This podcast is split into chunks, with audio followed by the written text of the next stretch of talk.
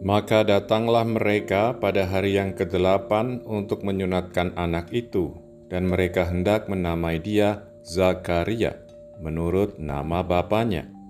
Tetapi ibunya berkata, "Jangan, ia harus dinamai Yohanes." Sahabat si ember yang disayangi Tuhan, pasti kalian setuju kalau saya bilang sering kali rencana Tuhan beda banget sama yang kita pikir atau kita pinginin, gak?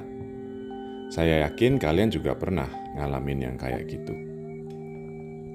Teman sahabat Yesus yang terberkati, hari ini kita bisa belajar dari Elizabeth dan Zakaria gimana ngadepin situasi yang kayak gitu. Meskipun harus ngadepin orang banyak dan tradisi, Elizabeth setia pada firman dan janji Tuhan. Dia berpegang terus pada apa yang dibilang Tuhan, meskipun harus ngelawan arus pendapat dan pemikiran orang-orang di sekitarnya. Teman-teman yang dikasihi Tuhan, Zakaria juga bilang, "Namanya adalah Yohanes." Habis gitu, Seketika itu juga terbukalah mulutnya dan terlepaslah lidahnya. Lalu ia berkata-kata dan memuji Allah. Kesetiaan kita pada firman Tuhan itu enggak pernah sia-sia.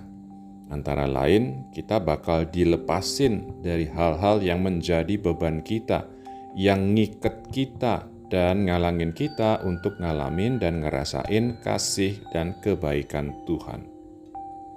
Sahabat kekasih Allah, yuk belajar setia sama firman Tuhan, berpegang pada janjinya, seberat apa pun sikon dan challenge-nya. Rencana Tuhan pasti terlaksana dan bikin kita bahagia. Sis and bros, murid-murid Yesus, kalau udah happy, jangan lupa bersyukur dan memuliakan Tuhan ya.